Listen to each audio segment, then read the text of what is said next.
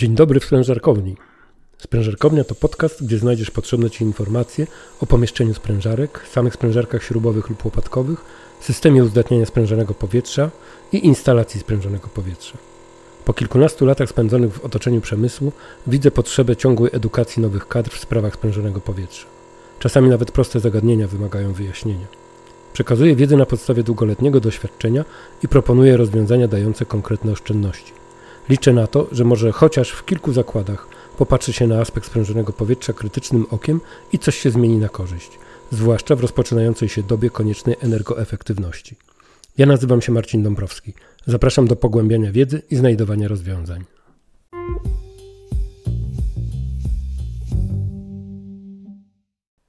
Jaki wybrać kompresor do piaskowania? Piaskowanie jest jedną ze strumieniowych metod czyszczenia. Należą do nich jeszcze śrutowanie, szkiełkowanie, sodowanie albo czyszczenie suchym lodem. Wprawdzie każda z tych metod wykorzystuje inne ścierniwo, ale posiadają jedną wspólną cechę. Wykorzystują sprężone powietrze do ruchu ścierniwa. A sprężone powietrze pochodzi z kompresora do piaskowania, a właściwie to z kompresora, który musi być dobrany do technologii dobrany do konstrukcji piaskarki, dobrany do używanej dyszy. Piaskowanie jest metodą, dzięki której czyszczona powierzchnia jest pozbawiona nalotów, wyrównana, ale również po procesie piaskowania charakteryzuje się odpowiednią chropowatością do położenia warstwy ochronnej, np. do malowania proszkowego. Aby piaskowanie było skuteczne, to powietrze musi charakteryzować się odpowiednią wydajnością, ciśnieniem oraz jakością i czasem dostępności. Do określenia wydajności należy zweryfikować zapotrzebowanie na sprężone powietrze w karcie produktu urządzenia do piaskowania. Z reguły będzie powiązana ze średnicą dyszy oraz planowanym ciśnieniem piaskowania. Istnieje kilka rodzajów piaskarek, począwszy od zwykłej syfonowej, poprzez kabinowe, aż do piaskarek komorowych. Piaskarki te mogą być wyposażone w sterowanie mechaniczne, ale też opcją będzie sterowanie pneumatyczne. Dlatego też wymogi producenta muszą być wzięte pod uwagę przy wyborze kompresora do piaskarki. Z reguły piaskowanie wykonuje się przy ciśnieniu 5-6 barach. Większość producentów piaskarek określa maksymalne ciśnienie robocze na poziomie 10 bar. To prawie dwa razy więcej niż wcześniej podane ciśnienie. W profesjonalnym, przemysłowym lub usługowym zastosowaniu chodzi o jakość piaskowania, ale też szybkość jest bardzo ważna i w przypadku trudnych do oczyszczenia powierzchni dostępne większe ciśnienie robocze będzie dużą zaletą kompresora. Metoda strumieniowa nie lubi zanieczyszczeń sprężonego powietrza. Powietrze wykorzystywane do piaskowania o podwyższonych wymaganiach powinno być klasy 534 zgodnie z normą ISO 8573-1. Oznacza to, że instalacja sprężonego powietrza powinna być wyposażona w osuszacz chłodniczy gwarantujący ciśnieniowy punkt trosy plus 3 stopnie Celsjusza oraz filtr wstępny i filtr odolejający. Zakładając, że piaskowanie jest wykonywane w profesjonalnym przedsiębiorstwie i jest jednym z ogniw w łańcuchu produkcyjnym, to sprężone powietrze powinno być dostępne przez długi czas i to stabilnie. Takie wymagania spełnia kompresor śrubowy albo kompresor łopatkowy.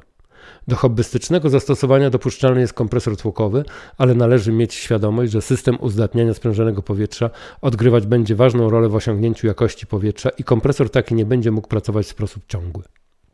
Zakładając, że chcemy zasilić sprężonym powietrzem zakładową piaskarkę kabinową o wymiarach 60 cm na 60 cm na 1 metr, to jest 360 litrów pojemności, i piaskować dyszą o średnicy 5 mm, to jej zapotrzebowanie na sprężone powietrze jest na poziomie przy ciśnieniu 5 bar 1,6 m3 na minutę, przy ciśnieniu 6 bar 2 m3 na minutę, przy ciśnieniu na przykład 9 bar 3 m3 na minutę i przy ciśnieniu 10 bar 3,3 m3 na minutę.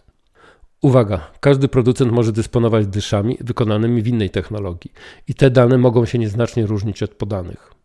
Wymogi te będą spełniać następujące sprężarki. Kompresor śrubowy Garner Denver o mocy 22 kW, model ESM22 w wersji AirStation, zbiornik o pojemności 500 litrów i osuszacz chłodniczy.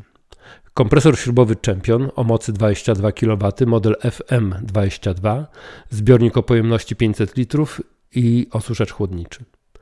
Kompresor łopatkowy Hydrovane o mocy 22 kW, model HV22AERD w wersji Hypack, pojemność zbiornika 272 litry i też wyposażony w osuszacz chłodniczy.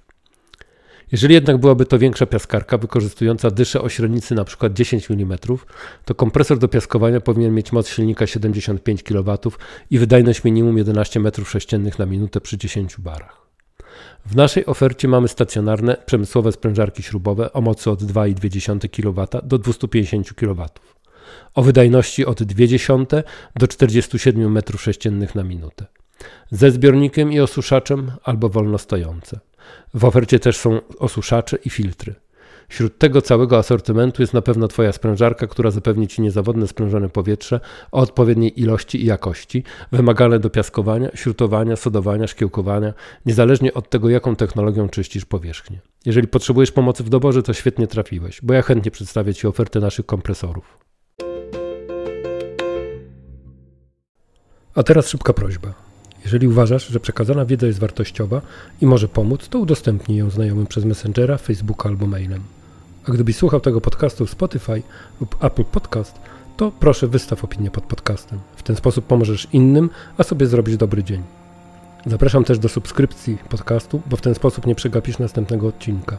Dzięki za poświęcony czas i do usłyszenia w następnym odcinku podcastu Sprężarkownia. A już teraz życzę Ci bezproblemowej eksploatacji Twojego systemu sprężonego powietrza.